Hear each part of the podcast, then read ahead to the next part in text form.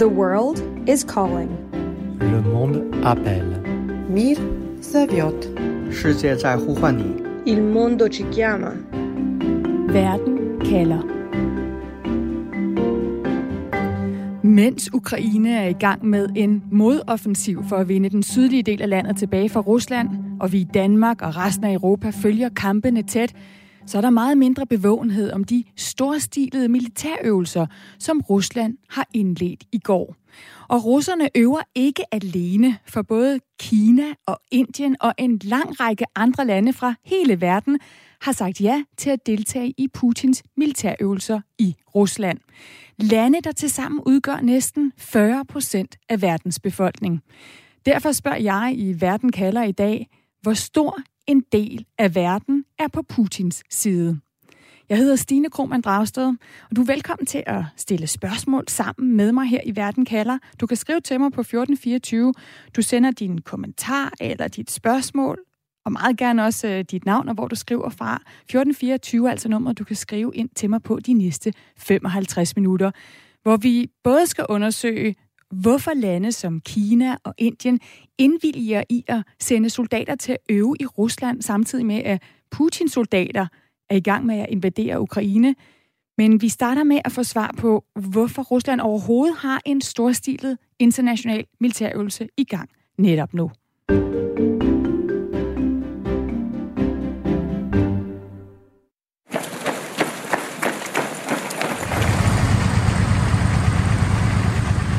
Sådan her lød det lidt tidligere på ugen, da herrenheder fra Kina og Mongoliet ankom til Rusland på togkolonner med militærudstyr. Velkommen, Claus Mathisen, lektor i russisk ved Forsvarsakademiet, hvor en af dine hovedinteresser jo netop er militærpolitiske forhold. Claus, kan du ikke starte med at fortælle, hvad vi ved om den her russiske militærøvelse? Altså, hvor i Rusland foregår den, og, og hvad er det helt konkret, de her herrenheder skal øve sig på? Jo, det kan jeg godt. Øhm, jeg tror, jeg vil starte med at sige, at øhm, øh, i 2008, altså for 14 år siden, øh, der var der jo en lignende stor øvelse i Kaukasus, øh, som endte med, at øh, Rusland efterfølgende rykkede ind i Georgien. Og siden har man hvert år holdt sådan en stor, meget stor strategisk øvelse, godt nok med forskellige antal deltagere, i hvert af de fire russiske militærdistrikter. Og det vil sige, at der foregår sådan en øvelse her hver fjerde år. Den seneste i østlige militærdistrikt blev afholdt i 2018, og nu står vi altså i 2022, hvor man øh, igen står for tur i østlige militærdistrikt.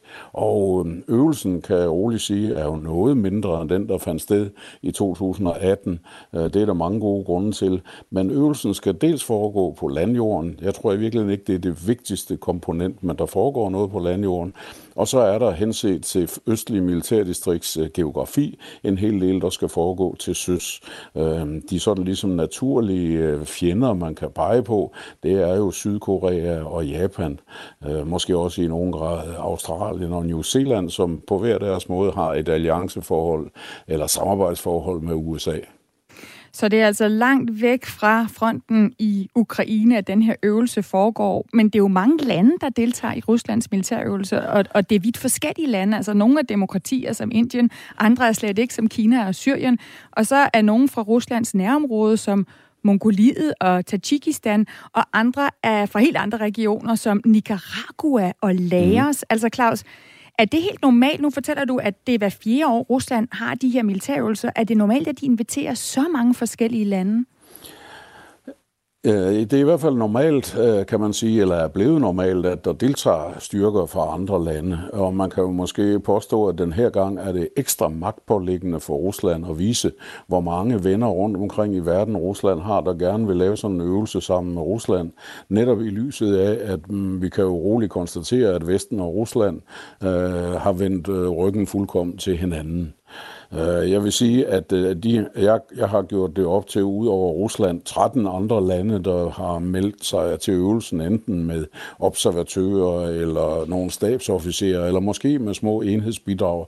De er alle sammen undtagen tre af dem enten medlemmer af den NATO-lignende alliance, som Rusland oprettede i starten af nullerne, der hedder den kollektive sikkerhedsaftaleorganisation, eller også er de medlem af den anden lidt blødere organisation, der hedder Shanghai Samarbejdsorganisationen.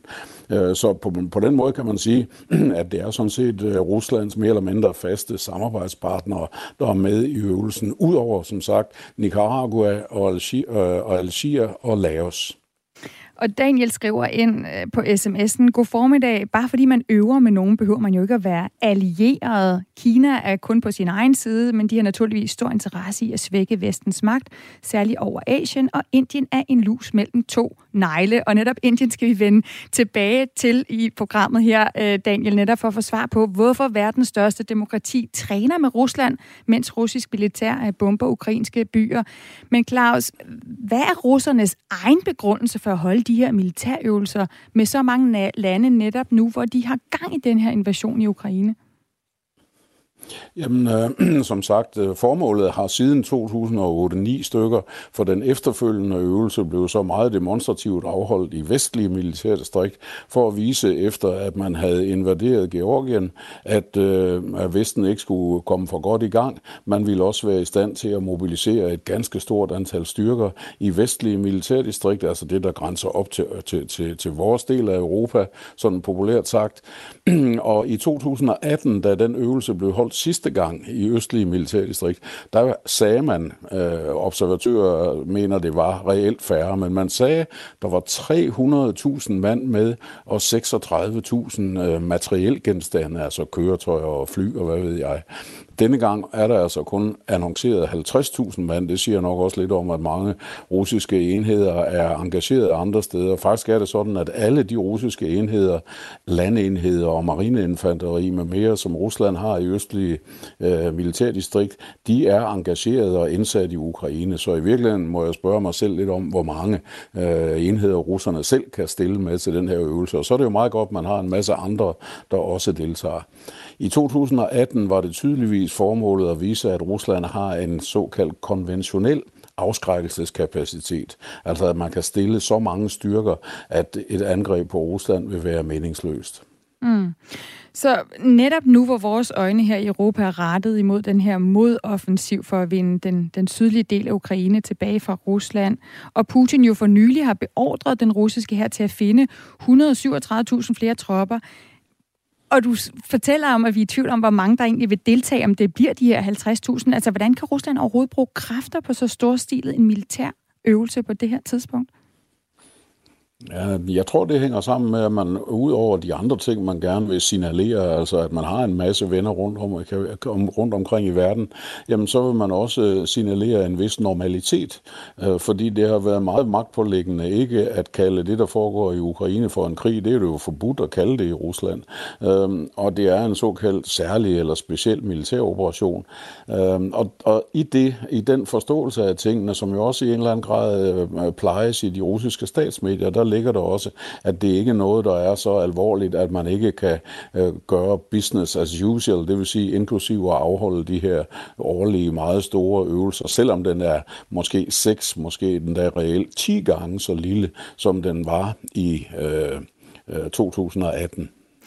Så for Putin handler det altså også om at bevare den her øh, fortælling, han har, illusion kunne vi kalde det om, at Rusland ikke er i krig, altså vise, som du siger, se, at vores militær har kapacitet til, til at øve os også over, helt over i Fjernøsten.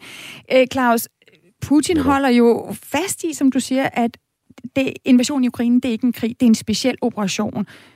Hvorfor erklærer Putin ikke bare krig?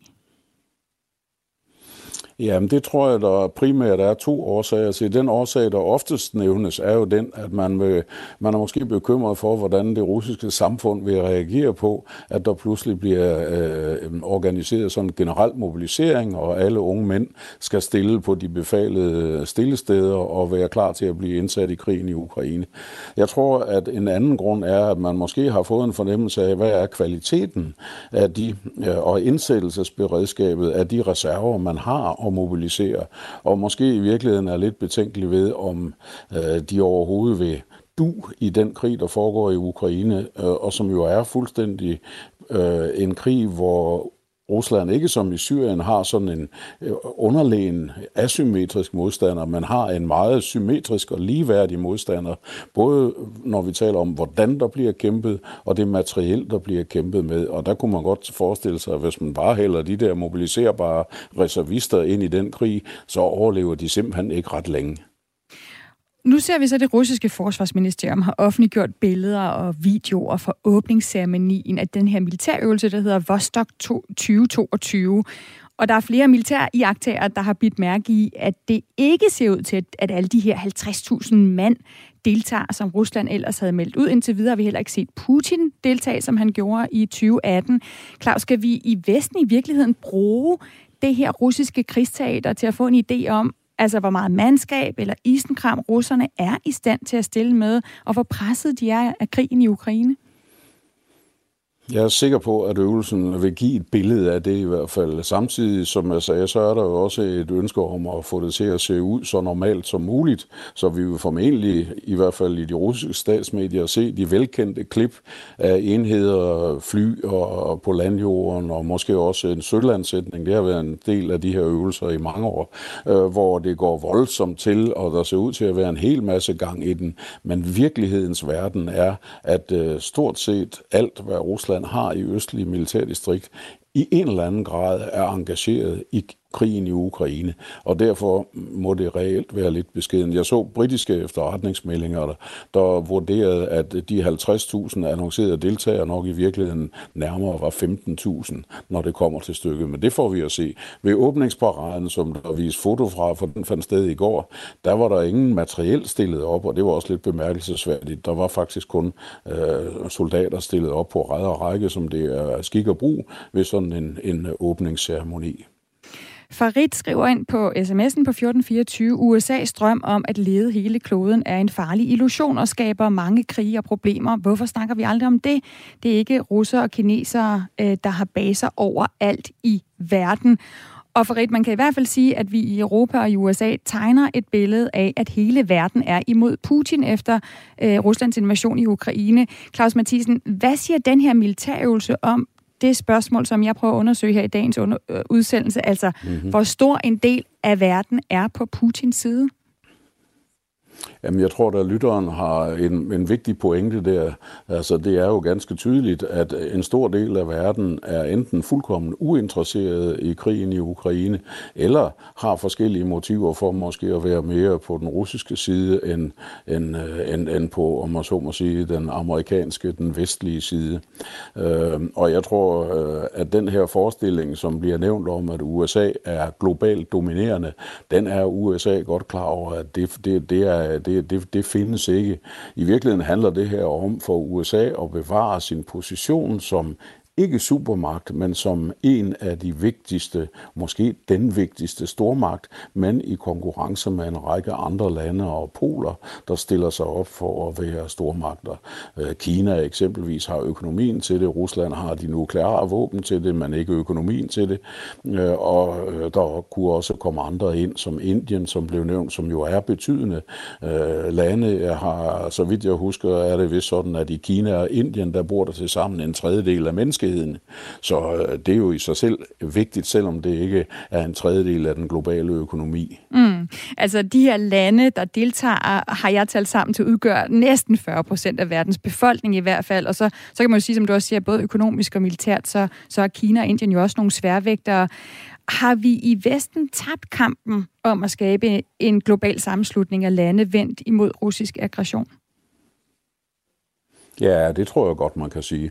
Øhm, vi har en sammenslutning af lande, der befinder sig stort set over hele kloden, men det er ikke i virkelighedens verden sådan, at alle støtter øh, kampen mod Rusland. Det er i al væsentlighed de 30 NATO-lande, og så en halv snes andre ikke ubetydelige lande, og jeg vil igen nævne Sydkorea, Japan, Australien som nogle af dem, der også er engageret, og man så, på så må sige på vestlig side. Og det er i høj grad demokratiernes kamp, kamp mod autokratier i forskellige afskygninger. Nu nævnte vi Nicaragua og Algeriet og Laos, øh, som ikke er i nogen sådan øh, samarbejdsforum øh, eller øh, sammenhæng med Rusland, men de er udmærker sig ved at være såkaldte enten etpartisystemer eller folkedemokratier eller på anden måde sådan semidiktaturer. Og det er til synligheden mere den kamp, det handler om. Altså, øh, om, om det så er en overlevelseskamp for de demokratiske lande, det kan man så diskutere, men det handler i hvert fald om at hævde de demokratiske landes øh, ret til at eksistere, og også at blive ved med at insistere på, at demokrati, tror vi på, er en god måde at øh, styre lande på, så befolkningen bliver mest muligt tilgodeset. Men det er en lang diskussion, der heller ikke nødvendigvis er fuld enighed om. Tak for at give dit indsigt og perspektiv i den uh, diskussion, Claus Mathisen, lektor i russisk ved Forsvarsakademiet. Selv tak, og tak for at være med. Ja, øhm, og også tage os med ind i den her russiske tankebank, der ligger øh, bag det, den her storstilede militærøvelse. En militærøvelse, som landet, øhm, altså med verdens største befolkning, landet med verdens anden største økonomi, og landet med et militær, der rangerer nummer tre i verden lige under USA og Rusland, Kina, også deltager i. Så lad os undersøge, hvorfor Kina sender tropper til at træne med russiske soldater. Du lytter til Verden kalder på Radio 4. Og Kina skal vi undersøge sammen med dig, Camilla Tænder Nørup Sørensen, lektor ved Institut for Strategi og Krigsstudier ved Forsvarsakademiet, hvor du netop har særligt fokus på Kina. Velkommen tilbage til Verden kalder. Tak for Camilla Rusland har delt optagelser af kolonner af kinesiske militærkøretøjer, kinesisk militært udstyr. De har delt øh, altså billeder af kinesiske soldater, der ankommer til Rusland for at deltage i den her militærøvelse. Hvordan forklarer Kina, at de træner med den russiske hær netop nu? Ja, altså vi har over det seneste år 10 set et styrket øh, politisk, sikkerhedspolitisk, inklusivt militær samarbejde mellem Kina øh, og Rusland. Øhm, og øh, altså det, det, det har, og det er der mange årsager til set fra, øh, set fra Kina. Øh, mest af alt kan man sige bunder det i sådan en meget pragmatisk kalkyle øh, i Beijing af, at det simpelthen er i, øh, i Kinas nationale interesser at have et godt øh, Øh, samarbejde øh, med Rusland. Øh, den her konkrete militærøvelse, vi ser nu, jamen, der har kineserne, det kinesiske udenrigsministeriet, været ude og understrege, at de deltager, men at det ikke skal ses i nogen form for relation til igangværende regionale og internationale øh, udviklinger eller begivenheder. Så på den måde prøver de jo ligesom at, at adskille det, der det, der sker, altså den her øvelse, som de nu deltager i, adskille det fra noget, som i, i forhold til, at det ikke betyder, at de ændrer deres position, eller der er en udvikling i deres position i forhold til, den, til, øh, til krigen i Ukraine. Øh, men grund til også, at de deltager, som jeg synes er en væsentlig ting, øh, det er jo, at det kinesiske militær øh, er i gang med en udvikling. Øh, altså det, der er tydeligt ved den her øh, militærøvelse, det er, at Kina for første gang deltager med, øh, med alle værn, altså det vil sige det kinesiske flyvevåben, kinesiske flåde, både den kinesiske her. Og det, der er udfordringen set for Kina, og det var også det, vi så i, i den øh, store krise, der lige her, eller der kører i, i taiwan det er, at de har ikke meget erfaring med at få de her tre værn til at arbejde sammen. Øh, og der har de altså noget, de kan lære øh, af Rusland. Så det er simpelthen også en, en måde at få nogle erfaringer, øh, se hvordan Rusland øh, øh, øh planlægger øh, de her øvelser, hvordan de udfører øvelserne. Så både operativt og taktisk øh, øh, kan kineserne få nogle erfaringer ved at lave de her øvelser med russerne, som er noget mere erfarne i forhold til at have øh, øh føre øh, krige og konflikter. Så Kina kan simpelthen få noget ud af at øve med Rusland. De kan lære noget militært af Rusland. De er en, en, en militærmagt, der er på vej op. Men betyder denne her fælles øh, militærøvelse, at Kina også overvejer en militær alliance med Rusland, nu når vi har hørt Xi sige, at altså, ham og Putin, de er bare bedste venner? Nej, det gør det, øh, det gør det langt fra. Jeg tror, hvis, hvis øh, krigen i Ukraine har gjort noget, så er det at understrege over for kineserne, hvor, øh, hvor risikabelt det vil være at gå ind i en egentlig militær alliance øh, med Rusland.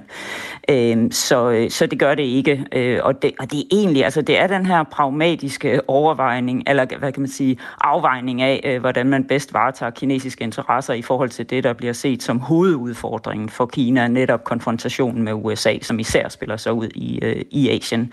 Øh, og der har de altså brug for et godt pragmatisk forhold til, øh, til Rusland, også simpelthen fordi de jo deler en, øh, en over 3.000 km lang landegrænse. Ikke? Og der er det både set fra, fra Kina og fra Rusland vigtigt, at der er ro på den grænse, sådan man netop ikke skal fokusere sit militær i forhold til at, at, og, at, være, at være ved den grænse, men man ligesom kan, ja, egentlig kan trække sit militær væk, som Claus Mathisen også er inde på, at, at Rusland har gjort. Jamen det samme har kineserne jo gjort, så de kan fokusere deres militær tilstedeværelse, militær udvikling nede i det østlige del, altså der, hvor de står over for USA, netop i forhold til taiwan det sydkinesiske hav og hele, hele det område, hvor de, øh, hvor de render ind i, øh, i, i den kinesiske, eller i den amerikanske flåde og, og, øh, og, og den japanske, ikke? Som, som de her øvelser jo også har fokus på. Altså det er omkring det japanske hav, og, og der har vi også set, bare også for at understrege, det er ikke, altså det er ikke den her øvelse isoleret. Vi har set over de senere år, at den kinesiske og russiske flåde har lavet fælles øvelser i det japanske hav,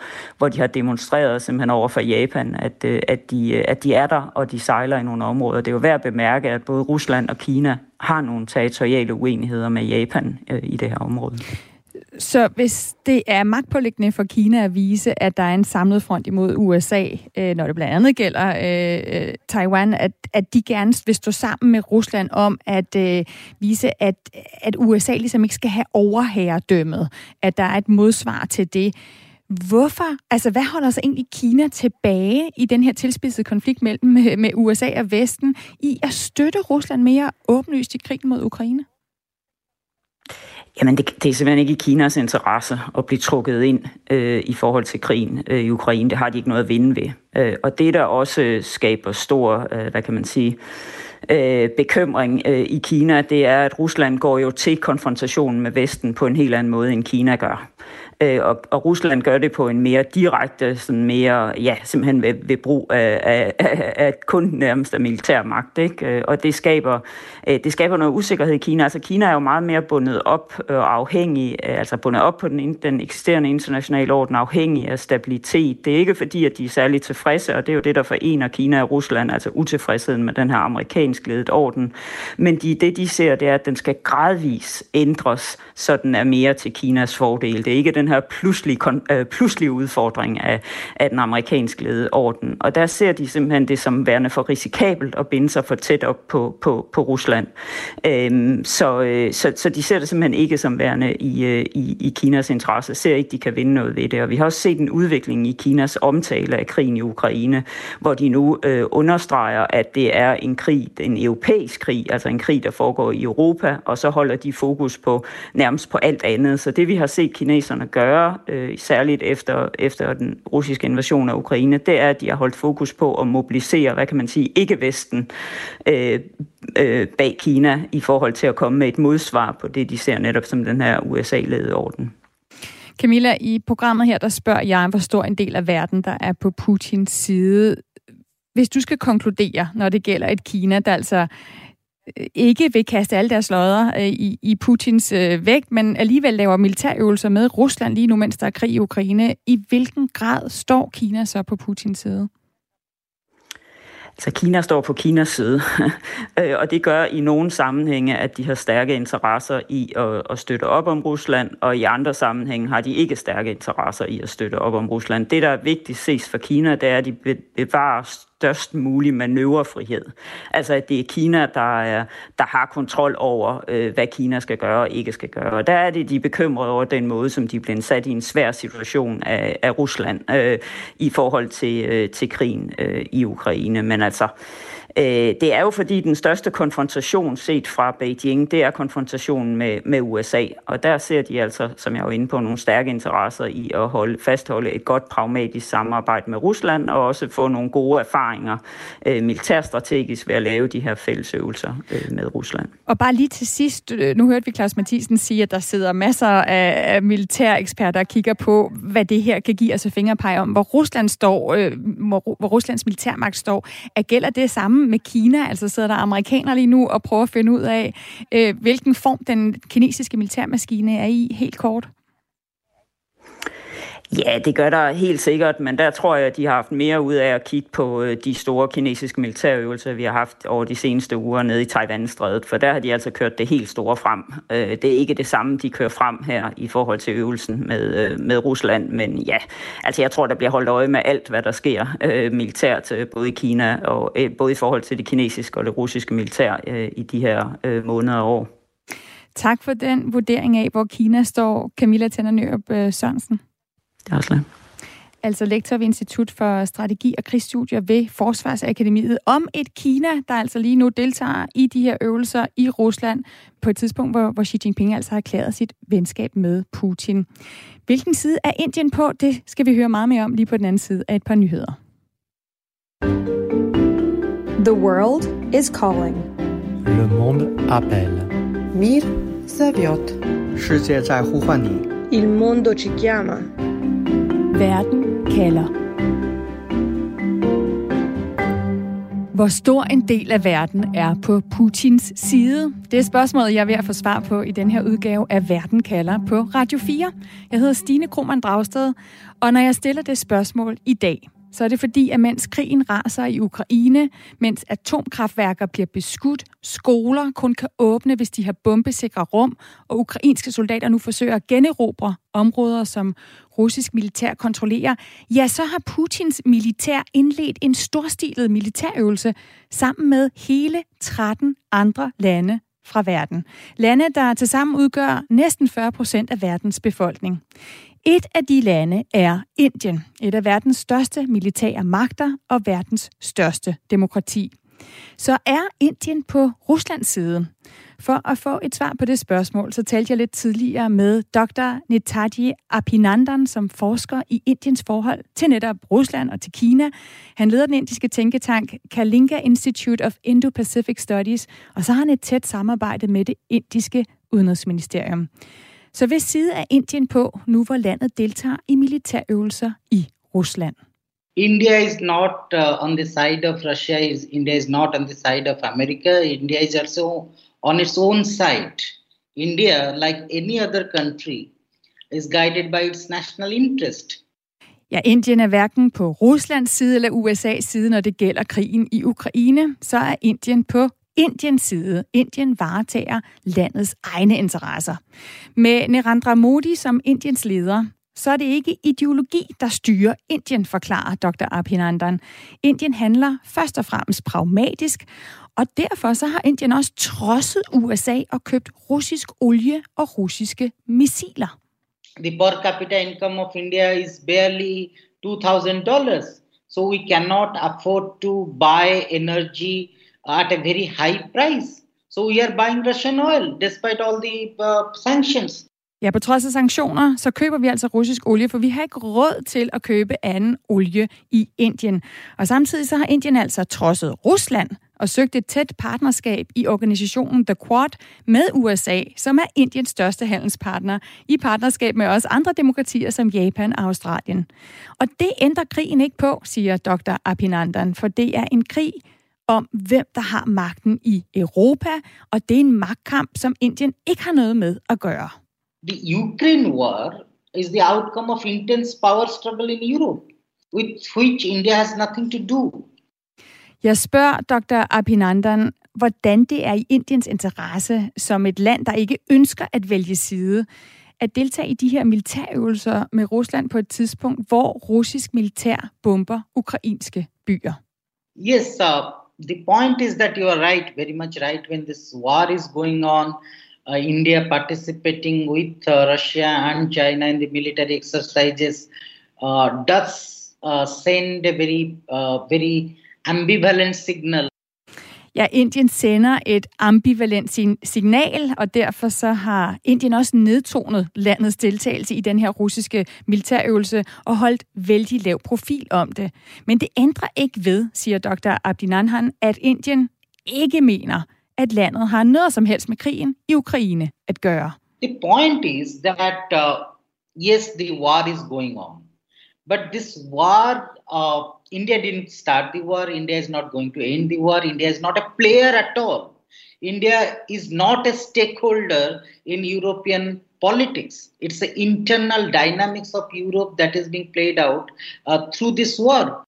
Det er et internt europæisk anlæggende, insisterer Dr. Apinandan. Og selvom danskere og europæere og amerikanere taler om en krig, hvor det er verden imod Putin, så er det ikke sådan, Indien ser på krigen. Ifølge Indien så er Ruslands invasion af Ukraine noget, der handler om en europæisk magtkamp. Og det er en krig, som Indien absolut ikke vil blande sig i. En krig, som Indien heller ikke mener bør påvirke, hvordan Indien forholder sig til Rusland, netop fordi Rusland har været på Indiens side igennem mange andre konflikter. Det betyder ikke, at Indien er ligeglad med krigen i Ukraine. Tværtimod så er Indien utrolig bekymret over, hvordan krigen påvirker almindelige inders liv, fordi krigen blandt andet får priserne til at stige, forklarer dr. Abhinandan. We are very concerned about the war and its impact on global economy. We are very concerned about the way the prices are rising, the way the oil prices are shooting up every day. We are concerned about its adverse impact on global economy and on the lives of the people. Men på trods af den bekymring, så kommer denne her krig ikke til at ændre Indiens forhold til Rusland eller til resten af verden. Så jeg spørger dr. Abhinandan om Indiens modvilje mod at vælge side i den her dybt splittede verden kan betyde, at Indien ender på den forkerte side af historien. We do not want this war to affect India's uh, relations with Russia or any other country for that matter. And do you we think? Want... And, sorry, do you think that is realistic? Uh, you know, to to to frame the question in another way, for a lot of the world, it is a side. Either you are on Putin's side or you are not. Is India on the wrong side of history? I don't think India is on the wrong side of history. India has never been on the wrong side of history. Nej, Indien ender ikke på den forkerte side af historien, forsikrer Dr. Abhinandan, for Indien mener ikke, at historien bliver afgjort af krigen i Ukraine. Det afgørende for Indien er, at de store lande balancerer hinanden, og at der ikke er et land, der dominerer, fortæller han. Og derfor så har Indien ingen interesse i at blande sig i, hvem der står stærkest i Europa. It is a battle for supremacy. It is a battle who is the master. So why should India uh, tangle itself in this kind of uh, murky European politics? Indien kommer til at blande sig ude af den her magtkamp i øh, Europa, slår altså Dr. Apinandan fast. Du lytter til Verden kalder på Radio 4. Og nu kan jeg byde velkommen til dig, Thomas Seested, tidligere bosat i Indien som leder af det Danske Kulturinstitut i New Delhi, et land, du stadig arbejder og rejser i. Velkommen til Verden kalder. Mange tak. Thomas, Dr. Adinandans pointe er jo, hvorfor skulle Indien blande sig i en dyster magtkamp i Europa, som, som han ikke mener, at Indien har noget at gøre med. Og samtidig så indrømmer han jo, at det ikke ser så heldigt ud, at Indiens militær øver med Rusland, mens der er krig i Ukraine. Og Indien ønsker ikke at sige nej til Rusland, fordi Rusland er kommet Indien til undsætning så mange gange, siger han. Hvad er det for et forhold, Thomas, som Indien har til Rusland, som gør, at de ikke synes, de kan sige nej til den her militærøvelse? Jamen, der er dels nogle, der er dels de historiske forhold, altså som handler om, da øh, hvad skal man sige, Indiens vej øh, til at blive en, øh, en selvstændig øh, nation med, med egne interesser og så videre, og så videre, der var Indien i et modsætningsforhold til de gamle kolonimagter og her øh, under sådan set også USA. Øhm, og der hjalp Rusland øh, på en masse øh, områder i FN's Sikkerhedsråd med at støtte øh, Øh, de indiske interesser. Så dels er der denne her historiske relation, og så øh, som følge af øh, øh, hvordan verden, øh, hvordan Vesten så øh, udviklingen i verden, så øh, øh, øh blev Indien for at øh, købe det militære udstyr, man havde behov for, der blev man sendt i armene på på, øh, på Sovjetunionen og, og, og nu Rusland. Øhm, som vi husker, så støttede øh, USA i meget lang tid øh, Pakistan, og boykottede, sådan, eller hvad, hvad skal man sige, øh, lagde embargo på indisk øh, øh, våbenindkøb fra Vesten. Så Indien har ud over de her historiske relationer også øh, en stor afhængighed af russisk militært udstyr. Øh, hovedparten af det indiske forsvar øh, har isenkram fra, øh, fra Rusland, og øh, som vi ved, så øh, kræver, hvis man skal omstille sådan et militær, det kræver meget, meget, meget lang tid. og det, det, det har man ikke interesse i fra indisk side, øh, at, øh, at ligesom øh, øh, øh skabe øh, problemer omkring, eller øh, øh, usikkerhed omkring. Så man har altså både nogle hvad skal man sige, handelsmæssige, altså militære øh, interesser, og så den her historiske, øh, øh det her historiske perspektiv. Og så synes jeg også, at der er den, øh, det perspektiv, at, at, at hvad der er et øh, problem for Vesten øh, eller en udfordring for Vesten, en krise i Vesten, øh, Ukraine, er jo ikke nødvendigvis, den optik kan man ikke nødvendigvis lægge ned over, hvordan andre øh, lande i Asien øh, ser på det øh, herunder, herunder Indien, som, som, som, som intervieweren også fortæller om. Altså perspektivet på Ukraine er bare et andet, når man ikke er så tæt på. Der er rigtig mange andre kriser, som man skal forholde sig til. Og lad os vende tilbage til det, men jeg kunne godt lige tænke mig at få din kommentar til det her, som dr. Adinandan også fortæller om, at det ikke er tilfældigt, at Indiens regering har været meget tyst-tyst om den her militærøvelse. Altså, ved vi noget om, hvordan Indien deltager? Er det for eksempel både hæren og flåden, der deltager? Nej, det er en meget, meget begrænset øh, deltagelse, og man skal også huske, at Indien har faktisk deltaget tidligere i, øh, i, øh, øh på russisk invitation i nogle af de her øvelser, men øh, de rapporter derude siger, at man regner med, at der er øh, 75 øh, øh, militærpersonel fra hæren øh, til stede til øvelsen, så det er jo meget, meget begrænset, øh, og frem for alt, at det ikke en den indiske deltagelse er ikke militær, den er diplomatisk. Altså det er øh, når man er inviteret af, hvad man betragter som en, øh, en god ven, øh, Rusland, så, så stiller man selvfølgelig op, men med så begrænset antal, som man nærmest kan, uden at, at, at det er helt fjollet. Så, så det er først og fremmest signalgivning til Rusland om, at man stadigvæk er venner, øh, mere end det er noget som helst andet. Det har ikke nogen som helst militær betydning, øh, Indiens deltagelse. Det kan jeg ikke se. Så signalgivning til Rusland om, at man stadig er venner, og samtidig så er Indien jo verdens største demokrati, og, og USA er Indiens største handelspartner. Og alligevel så trodser Indien USA, som vi også hører i indslaget, ved at købe russisk olie, købe russiske missiler, mens der er krig i Ukraine. Hvordan tør Indien det? Hmm. Ja, altså måske skal man også lige huske, at øh, der faktisk øh, til næste måned, øh, i næste måned i oktober, er en, øh, en fælles indisk-amerikansk øvelse i Indien. Og, øh, og hvis man ligesom skal trække nyhedsspor øh, ud af det her, så er det faktisk en større nyhed, altså en, øh, en, øh, en, en den indiske deltagelse her i, øh, i, i vores dok øh, 22. Øhm, det er mig bekendt første gang, at der er sådan et direkte indisk-amerikansk militært samarbejde, og det er altså i, i næste måned.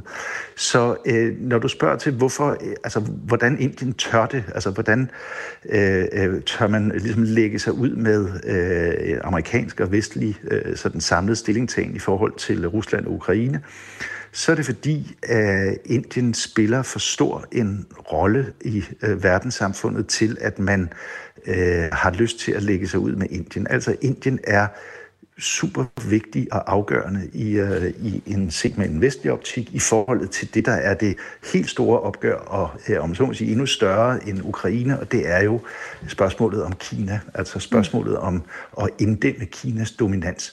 Og i den sammenhæng, uh, det har Indien uh, selv en meget stor uh, interesse i. Altså uh, Kina er uh, de facto uh, Indiens uh, sådan største hovedpine, både militært og økonomisk og på alle mulige andre måder.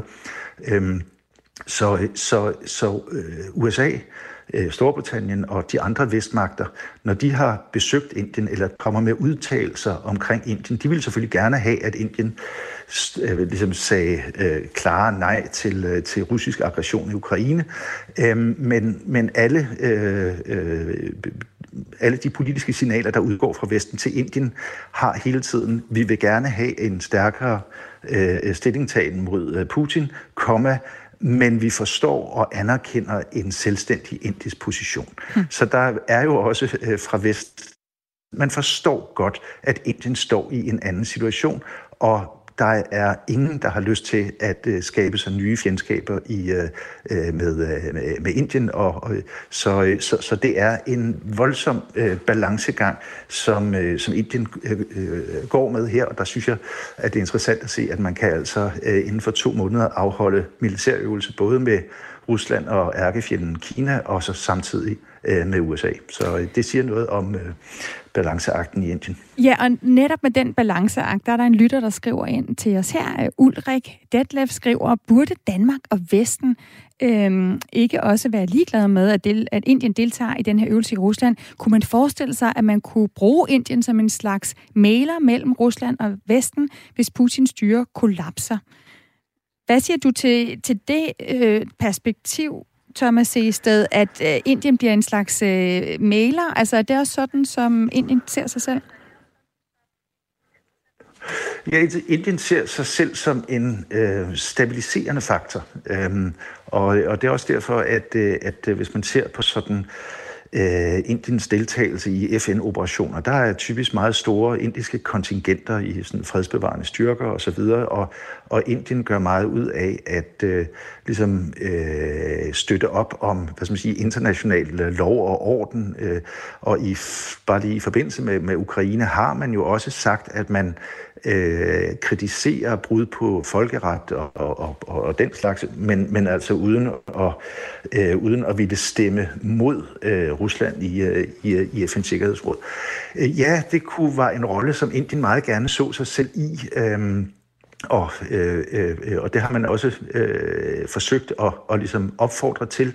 Jeg tror, øh, jeg tror lidt, at, at, øh, at tingene er så sparet øh, lige nu, øh, og, øh, og at, øh, at, at, at det kan godt være, at Indien spiller en rolle som, øh, som mailer på et tidspunkt, men, øh, og det er en rolle, som Indien rigtig gerne indtager, men, øh, men jeg tror, at, øh, øh, at, at der skal gå noget tid. Øh, Indien er stadigvæk øh, hvad skal man sige, også lidt ramt af øh, hvad skal man sige, den meget hurtige, pludselige og øh, ukoordinerede vestlige exit fra Afghanistan.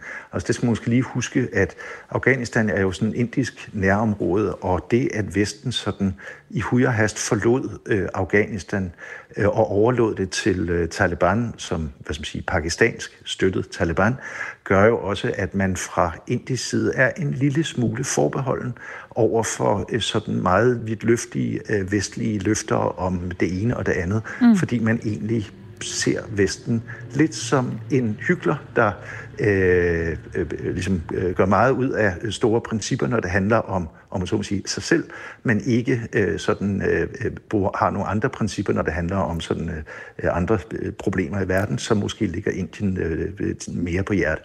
Så Vesten vil ikke, eller så Indien vil ikke helt vælge øh, Vestens side i det her, fordi man, man blandt andet ser USA som en hyggelig, når, når man forlod Afghanistan på den måde. Og samtidig, Thomas Ested, så har du også beskrevet, hvordan Kina jo bestemt er et land, som Indien stadig ser som en uven, øh, hvis ikke en, en, en slags fjende. Og Kina deltager jo også i de her russiske mm. militærøvelser. Altså, øh, hvordan hænger det sammen? Mm. Jamen, øh, det hænger jo sådan sammen, at, øh, at øh, øh, øh, det, det er jo ikke en ønskeposition for, øh, for Indien at deltage i en militær øvelse sammen med Kina. Men, men øh, hvis man afvejer hensynet til at bevare Øh, Øh, det forhold til Rusland, som, som, hvor man altså har en masse afhængigheder, både øh, ja, historisk og, og sådan helt praktisk, også i forhold til olieimport, så vejer hensynet til venskabet med, øh, eller den gode relation til Rusland, vejer højere end, hvad skal man sige, at, øh, at, at, at nogen rynker sådan lidt på næsen af, at, øh, at Indien deltager i en operation, øh, eller militærøvelse sammen med, sammen med Kina.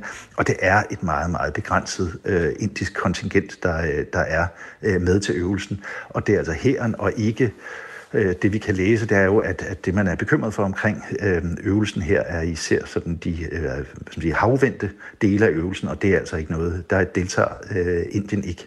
Så, øh, så, så det, er, det er en indisk balancegang, men... Øh, men ja, må jeg lige prøve, hvis jeg skal samle op, så det du siger, altså Indien vil ikke skubbe Rusland fra sig, fordi Rusland er en, en modvægt til til Kina, mm. øh, som Indien jo altså også har været i krig med, øh, har grænseskemysler med.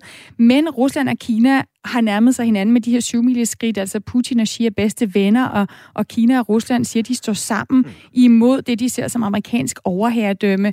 Så der, der er et eller andet med det indiske argument, der jo ikke hænger sammen, hvis Rusland ikke længere er en modvægt til Kina, men er blevet en slags allieret. det Indien ikke vil risikere, er at øh, potentielt øh, handicappe sit, her, sin, sin, sin, øh, sit militær ved at lægge sig ud med Rusland, og Rusland kunne så stoppe øh, leverancen af de øh, militære reservedele og øh, nye forsyninger, som Indien har bestilt. Det vil jo være en, et skrækscenarie, fordi så står Indien for alvor svækket i forhold til de øh, præcis de grænseproblemer, man har med Kina. Det ville jo være øh, en, altså det ville være en uoverstigelig katastrofe, fordi øh, øh, øh, sådan en, en militær omlægning til for eksempel vestligt materiel, og Vesten vil rigtig gerne nu sælge udstyr til Indien, men det tager jo mange, mange år at, at få et, øh, om man så må sige, et helt nyt øh, militært arsenal øh, etableret og trænet osv. osv. Og øh, så kan man sige, øh, i hele det her er det også interessant, at lige præcis i dag, så har Indien søsat sit øh, eget, øh, det første hangarskib, man selv har bygget.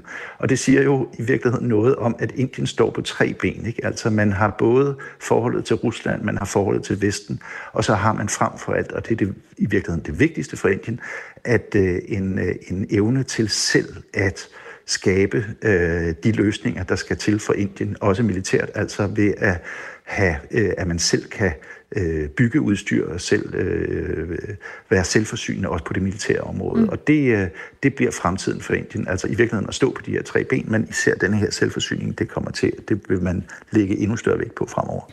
Så Indien står på de her tre ben, og Indien får et fripas her, fordi USA ikke betragter Indien som et land, der, der er afgørende for, hvem der sidder på magten i Europa, og samtidig så er Indiens rolle med at være en modvægt til Kina helt afgørende for både USA og for os i Europa. Du lytter til Verden kalder på Radio 4. Godt, jeg vil gerne vende tilbage til det spørgsmål, jeg søger svar på i programmet her. Altså, hvor stor en del af verden er på Putins side. Thomas Seested, ukrainerne kæmper for deres liv, og samtidig så sender Indien godt nok en meget lille delegation afsted at træne med, med Rusland. Hvorfor er det ikke et tegn på, at Indien er på Ruslands side i Ukraine-konflikten, hvis du skal samle op? Det er det. Øh, øh, øh, hvad kan man sige, Indien, altså når, vi, når vores udgangspunkt, når man betragter, hvad øh, Indien gør, og hvorfor Indien gør, som de gør, så må vi jo tage udgangspunkt i, at hvad tjener Indiens interesser. Og Indiens interesser er at øh, kunne agere øh, øh frit og selvstændigt. Og øh, øh, der og tror du, og undskyld, tror du, de kan blive ved, ved at, ja, kan de blive ved med ja, det, Indien? Altså, er det noget, ja, de kan blive ved med, det her med ikke ja, at vælge side? Ja, ja, det kan de. Det kan de. Og jeg synes, øh, jeg ved godt, at det er måske et provokerende synspunkt, men jeg synes egentlig, at Indiens ageren i forhold til Ukraine og Rusland er øh, rationel fordi det er det, der tjener Indiens interesser, og øh, Øh, man har jo øh, ligesom taget, øh, øh hvad man sige, man har protesteret mod, øh, mod invasionen i Ukraine og fortalt om alle de ting, som man synes, der er forkert ved det, men man har bare undladt at øh, gøre øh, Rusland sure ved at stemme imod dem. Så man balancerer jo på, øh, på, på en knivsæk her, men det, er, det, kan jeg, det kan vi se, det kan vi læse, at det accepterer Vesten faktisk, fordi Indien er for vigtig, både i forhold til sådan, øh, fremtidens verden, i forhold til Kina, i forhold til Indien som marked og som økonomi og demokrati. Så, så øh, det er måske provokerende, men Indiens agerende er, øh, er rationel, og, øh, og Indien øh, tager, om man så må sige, de tager ikke stilling. Det er ligesom øh, øh, nogle gange, hvis man skriver øh, til en inder og spørger om et, et ja eller et nej, så vil øh, inderne nogle gange, hvis det er et nej, øh, som, så, skriv, så svarer de bare ikke. Det er på samme måde her. Og Thomas, Indien er der, er der noget... har sådan set bare ikke svaret. Ja, og er der noget, der kunne få Indien mm. til at svare? Altså, kunne der ske noget, en udvikling i krigen i forhold til Kina, som kunne få Indien til at vælge side imod Putin, lige kort til sidst? Altså, det er klart, Rusland gør noget, der er øh, meget imod Indiens, altså endnu mere imod Indiens interesser, altså øh, afbryder forsyninger, øh, øh, den slags. Altså, så, så det, det vil jo, øh, hvis, hvis Indien ligesom, eller undskyld, Rusland afbryder venskabet, så er det klart, at, eller gør noget, der, der sådan ses fra Indiens side, som at afbryde et venskab, stoppe militære forsyninger, hvad ved jeg, så, så vil man tage det op til revision i Indien, men, øh, men, men hvorfor skulle Rusland dog det? Indien er jo så øh, et sted, hvor man øh, trods alt kan sælge øh, for eksempel olie og, og sælge militært udstyr. Tak for at gøre os klogere på, hvor Indien står, når det gælder Putin og Rusland og resten af verden. Thomas Seested, tidligere bosat i Indien som leder af det Danske Kulturinstitut i New Delhi.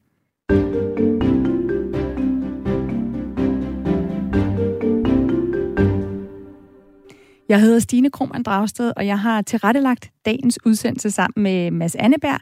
Vores redaktør er Camilla Høj Eggers. Husk, at du kan lytte til Verden kalder, lige når du vil ved at finde vores podcast i Radio 4's app.